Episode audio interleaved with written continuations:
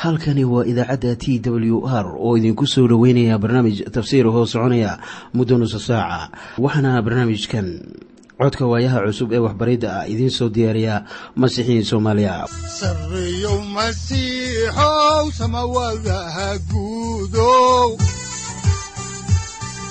Siraadkii adduunkow subanaha eebow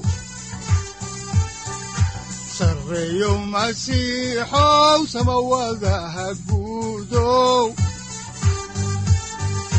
siraadkii adduunkow subanaha eebow adigoo samada jiro ifkan soo saldhiganba adigoo samada jiro ifkan soo saldhiganba kutubtiisanaye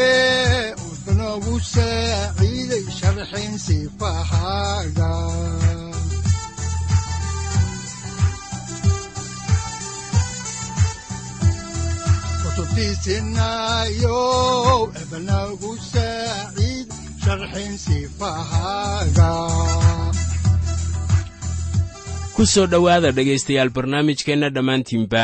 Waxaan horay u sii ambaqaadi doonnaa daraasaadkii la magac baxay baibalka dhammaantii waxaannu caawa idiin sii wadi doonnaa barashada kitaabka falimaha rasuullada. Kitaabka falimaha rasuullada dhegaystayaal waa kitaab taariikhi ah oo ay tahay in qof waliba wax uu ka barto si uu ku garto taariikhda kitaabka ahdiga cusub. Waxaanan caawa idiin sii wadi doonnaa cutubka lix iyo labaatanaad oo aynu uga gudbi doonno kan toddoba iyo labaatanaad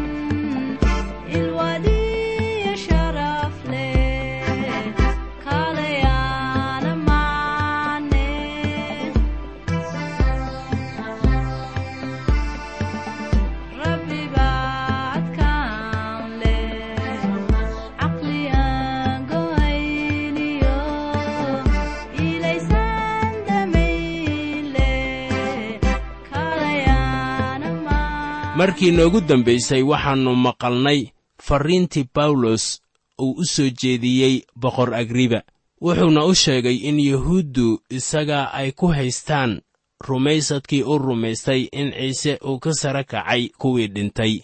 Wuxuuna yidhi dariiqadda farrisiintu sidaabay rumaysnaayeen oo waaba rajadeenna in dhimashada aynu maalin ka sara kici doonno markaana aayadda saddex iyo tobanaad ayuu ku sheegay khibradihii uu kala kulmay waddada dimashik loo maro iyo sidii sayidka halkaasi uu ugula kulmay iyo sidii uu dhulka ugu dhacay oo uu u maqlay ciise masiix oo la hadlaya isaga. Dabeetana bawlos wuxuu arkay inuu ka soo hor jeedo ilaah. Sannado badan kadib mar uu reer filiboy warqad u qorayey ayuu kala hadlay khibradihii qabsaday oo wuxuu yidhi sida ku qoran warqaddii rasuul bawlos uu u qoray dadka filiboy cutubka saddexaad aayadaha toddoba ilaa siddeed ee baalka saddex boqol siddeed iyo afartan ee axdiga cusub. Waxaa qoran sida tan hase yeeshee waxyaalihii faa'iidada ii ahaa kuwaas masiixa aawadiis ayaan khasaare ku tiriyey.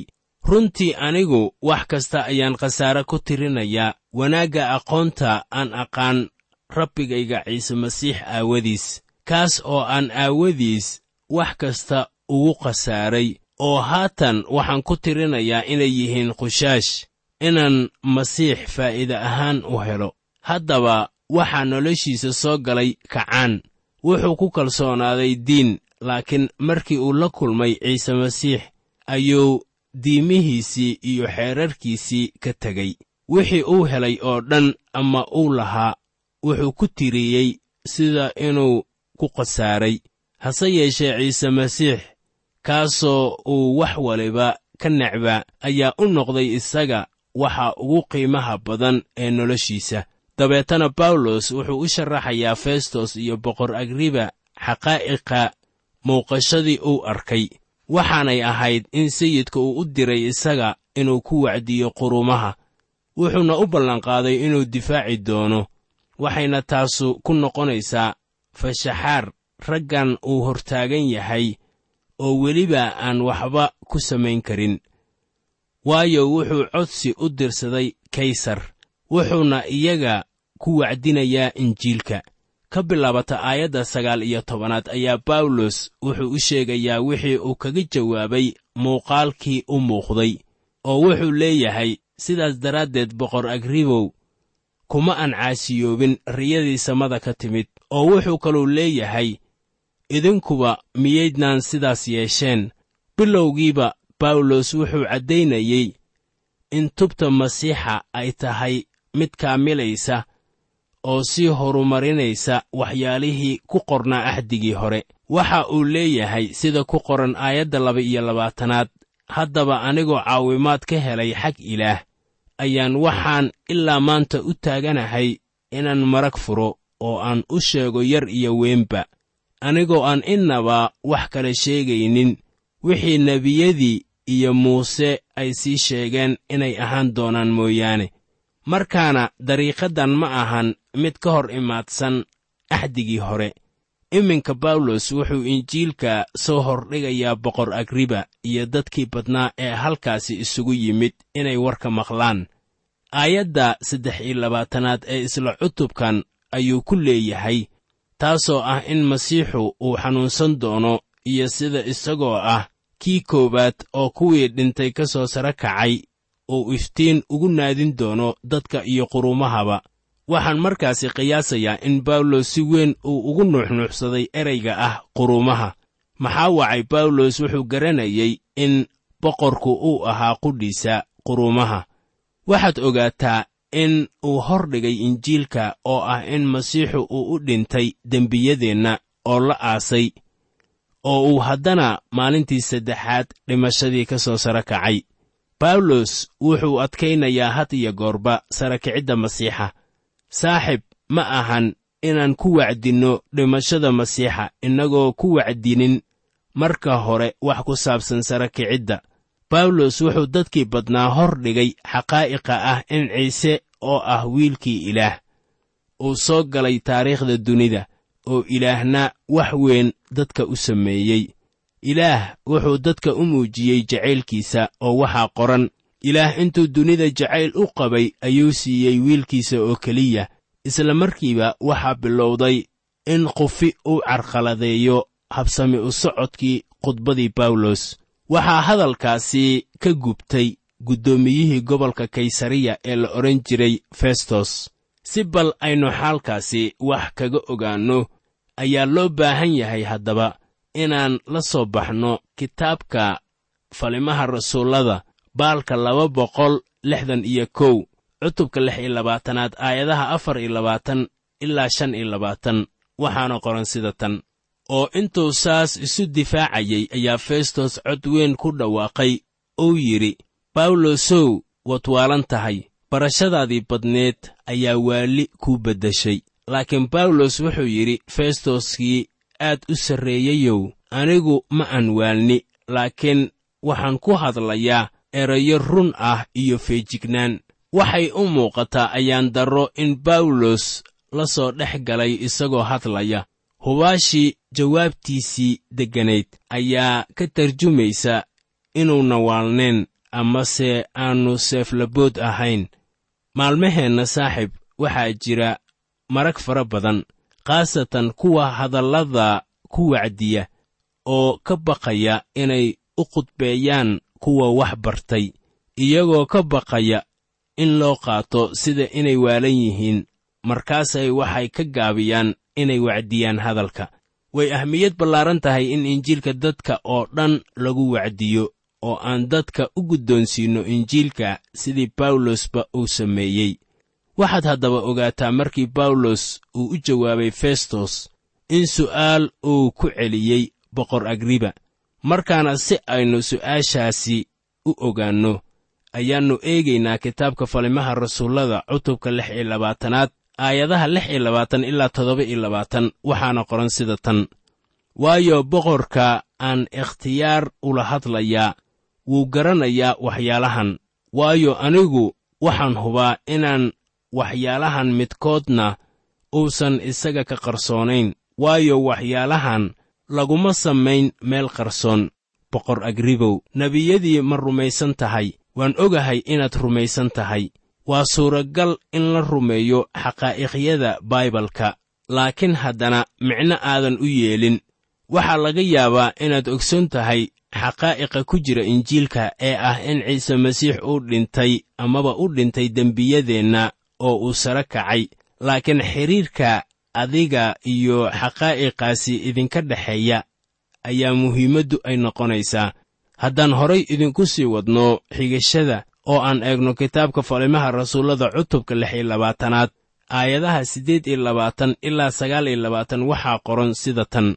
Markaasaa agriba wuxuu bawlos ku yidhi wax yar baad igu oggolaysiinaysaa inaan masiixi noqdo kolkaasaa bawlos wuxuu yidhi waxaan ilaah ka dooni lahaa in haddii ay tahay wax yar iyo haddii ay tahay wax badan ayan ahayn adiga oo keliya.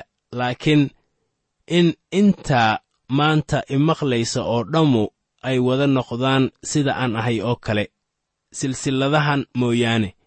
Agriba wuxuu ahaa nin xikmad leh. Wuxuu ugu jawaabay oo dhaqsiyo ayaad ii oggolaysiinaysaa inaan masiixi noqdo. Dhegayste miyaad garanaysaa inaad wax yar gudahooda ku noqon karto masiixi. Weliba in yar aad ku sheegi karto inaad masiixi noqoto weliga. War maxay taasu ayaan darro tahay?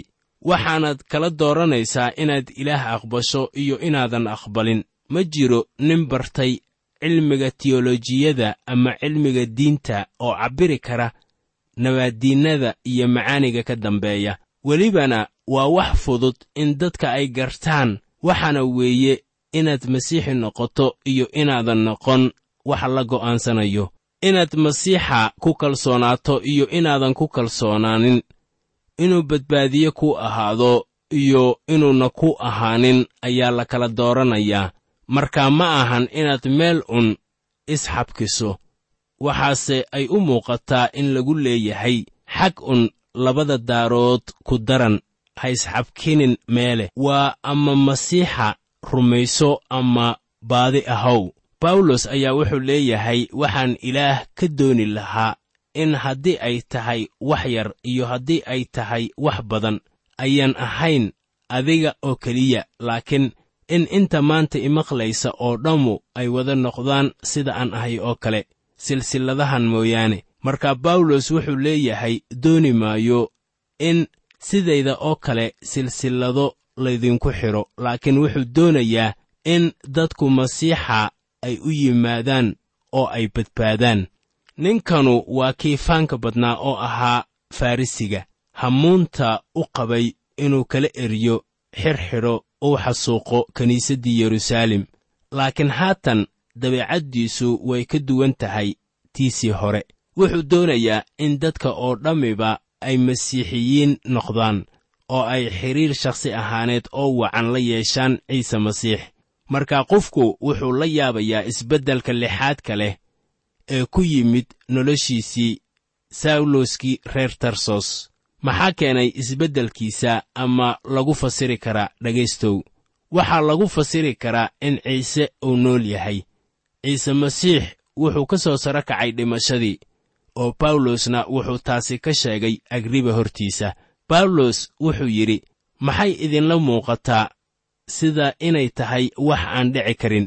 In ciise dhimashadii uu ka soo saro kacay haddaba wax adag ma ahan in qof dad dhimasho uu ka sara kiciyey inuu isaguna dhimashadii ka sara kaco. Haddaba cilmi baaris la sameeyeyna ilaa iyo kun iyo sagaal boqol oo sannadood ayaa innaga inooga dhigaysa xaalka sarakicidda ku saabsan wax macquul ah maalmaheenna. Sida daacadda ah innaga way inoo fududdahay inaan rumaysanno sarakicidda marka la eego dadkii hore ee badowda u badnaa ilaa iyo markii ciise dhimashada uu ka sara kacay ayay u muuqataa inay jirtay ciqaab soo fool leh. Waxaa jira carshi kale oo ciise uu ku fadhiyo waxaana halkan jooga maxbuus kale oo aan bawlos ahayn waana aniga iyo adiga.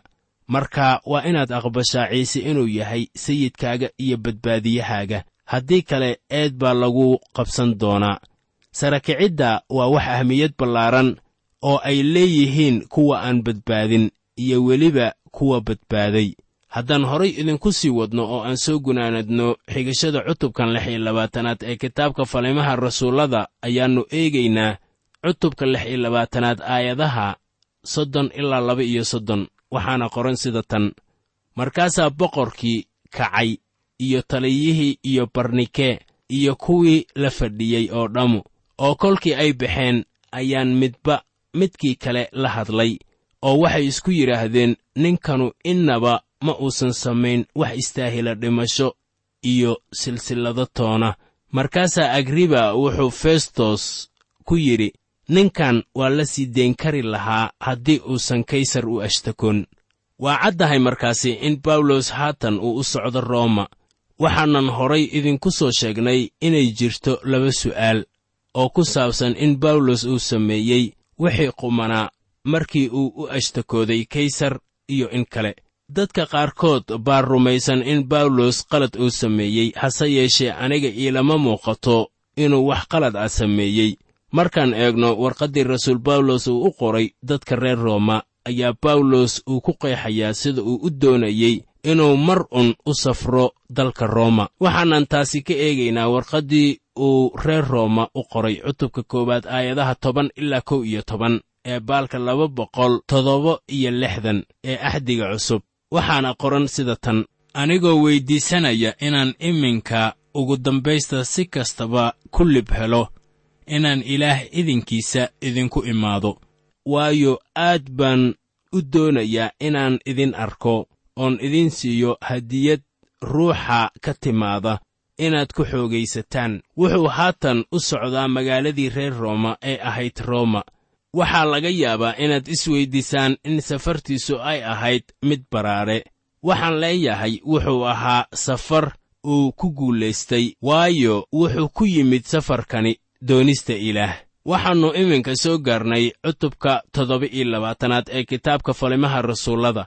Waxaana mawduuca uu ka hadlayaa ku saabsan yahay bawlos oo ku sii jeeda rooma isagoo ku safraya duufaan iyo darbad weyn dabeetana waxaa ka jabaya markabkii uu ku safrayey haddaba safarkan bawlos uu ku marayo badda ayaa caqli ahaan loogu yeedhi karaa lugtii afraad ee safarradiisii wacdiska injiilka.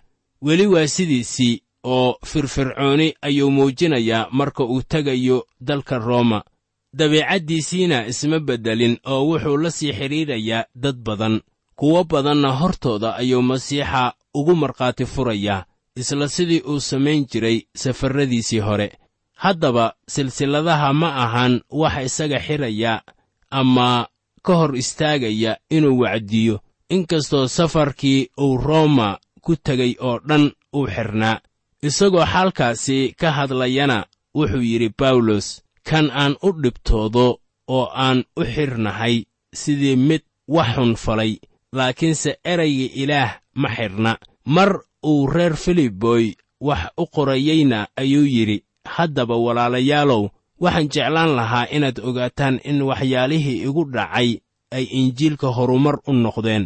Filiboy cutubka koowaad aayadda laba iyo tobanaad waxyaalahan oo dhan ee uu samaynayey waxaa kula jiray ilaah. Laakiin safarkan wuu ka yara duwan yahay kuwii kale oo dhan waxay ahayd in lagu sameeyo hab waafaqsan askartii ilaalinaysay. Waayo isagu wuxuu maxbuus u yahay reer rooma waxaana tanu ay kaamilaysaa baryadiisii ahayd inuu mar un tago dalka rooma markii bawlos uu u ashtakooday kaysar wuxuu ka samato baxay festos oo ahaa taliyaha gobolka iyo boqor agribaba. Boqor agriba oo dhagaystay dacwadiisii baa wuxuu gartay in bawlos aannu dembi lahayn oo wuxuu yidhi sidaan aragnayba ninkan waa la sii dayn kari lahaa haddii uusan kaysar u ashtakoon raggan wax ay ka samayn kareen haatan ma leh. Marba haddii uu codsi ama abbiil u dirsaday kaysar. Cutubkan toddoba iyo labaatanaad ee falimaha rasuullada waxaa ku qoran wax ku saabsan safarkii uu ku tegey rooma waxaana la saaray markab ku sii jeeda dhankaas cutubkan kitaabka falimaha rasuullada waxaa dad badani ay u haystaan inuu yahay cutub ka warramaya sidii socdaalka badda uu ahaa qarniyadii hore ee abid la qoro. Ninkan la yidhaahdo sir william ramsey wuxuu sameeyey waxbarid ku saabsan qoraalkii ditorlukos wuxuuna u qaatay farriintan inay tahay mid saxiix ah oo iyadoo kale aan la arag.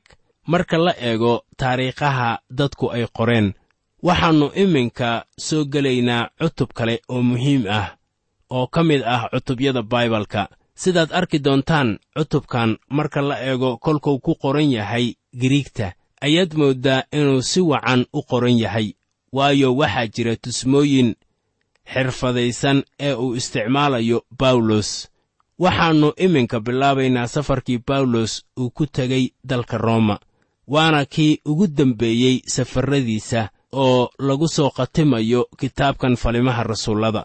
Haddaan markii ugu horraysay idiin bilowno caawa kitaabka falimaha rasuullada oo aan eegno cutubka toddoba iyo labaatanaad aayadda koowaad ayaa waxaa qoran sida tan. Haddaba markii la goostay inaannu itaaliya u dhoofno ayaa bawlos iyo dhowr kale oo maxaabiis ah waxaa loo dhiibay boqol u taliye magaciisa yulyos la odhan jiray oo ka tirsanaa ciidankii boqorka waxaa haatan bilaabanaya safarkii ay ku tegayeen itaaliya.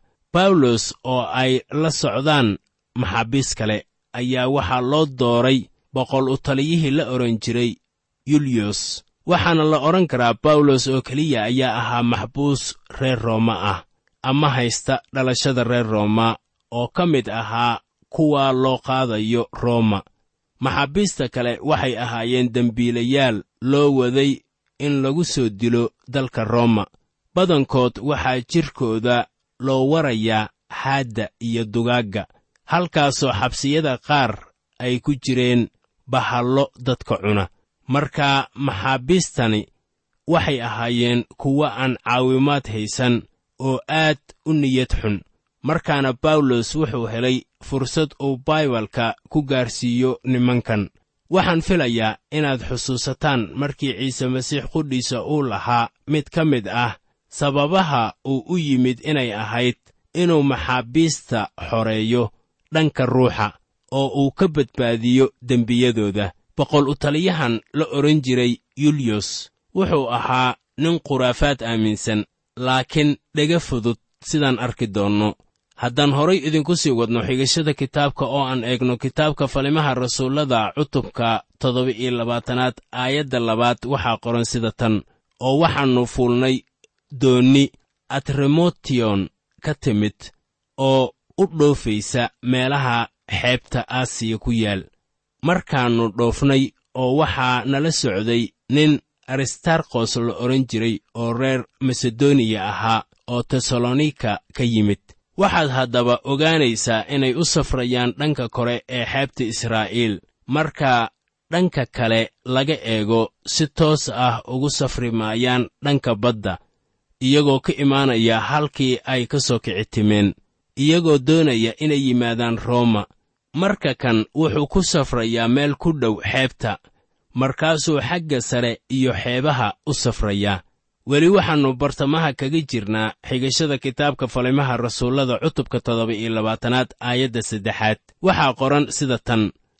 Oo maalintii dambe waxaannu nimid sidon markaasaa yulyos uu u naxariistay bawlos oo fasax u siiyey inuu saaxiibadiis u tago oo uu dhaqaale ka helo. Sidon waa magaalo caan ah. Turos iyo sidon waxay ku yaallaan dhanka kore ee xeebta reer foynike waana waxaa iminka loo yaqaanno waddanka lubnaan. Waxaad haddaba ogaataa xorriyaddii la siiyey rasuul bawlos waxaan rumaysanahay inuu halkan joogo sargaal reer rooma ah oo bawlos gaarsiiyey farriinta injiilka. Sida uu ula macaamiloonayo bawlos ayaa waxaa ka muuqda naxariis. Markaana rasuul bawlos wuu u baahnaa wehelnimada masiixiyiinta kale ee walaalihiis ah. Innagana la mid baannu nahay oo waxaannu u baahan nahay qalbiqaboojinta iyo dhiiragelinta masiixiyiinta kale. Haddaan horay idinku sii wadno ayaa waxaa ku qoran cutubka toddoba iyo labaatanaad aayadda afaraad sida tan oo haddana halkaasi waannu ka dhoofnay oo waxaannu ka hoos marnay qubrus maxaa yeelay dabeeshu waa na haysay markuu leeyahay waannu ka hoos marnay qubrus. Ayuu ula jeedaa inay soo gaareen ilaa iyo dhanka koonfureed ee magaalada qubrus taasoo muujinaysa inay dabeesha waqooyi ay cadaadinaysay. Haddaan horay idinku sii wadno ayaa aayadda shanaadi ay leedahay oo markii aannu ka gudubnay badda u dhow kilikiya iyo bamfuliya waxaannu nimid murra oo ku taal lukiya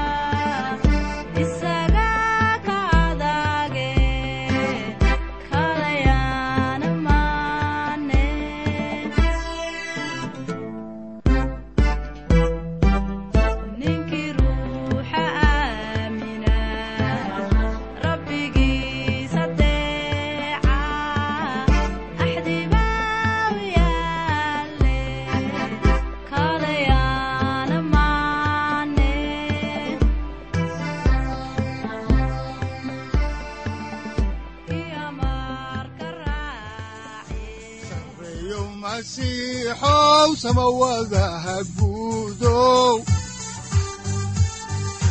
siraadkii adduunkow subanaha eebow adigoo samada jiro ifkaan soo saldhiganba adigoo samada jiro ifkaan soo saldhiganba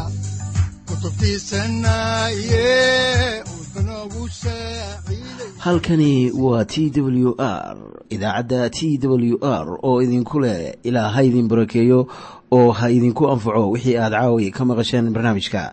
Waxaa barnaamijkan oo kalaa aad ka maqli doontaan habeen dambe hadahan oo kale haddiise aad doonaysaan in aad fikirkiina ka dhiibataan wixii aad caawi maqasheen ayaad nagala soo xiriiri kartaan som t w r at t w r c o k e haddii aad doonaysaan in aad dejiisataan oo kaydsataan barnaamijka ama aad mar kale dhegaysataan fadlan mar kale booqo www t w r o r g. Amase www t t b t w r o r g.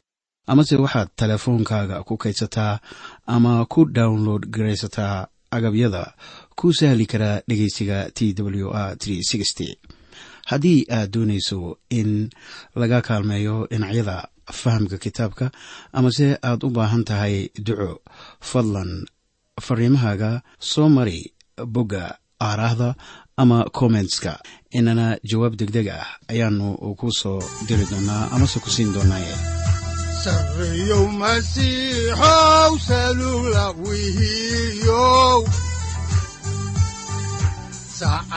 timid dhulka sabada ku dhalatiyo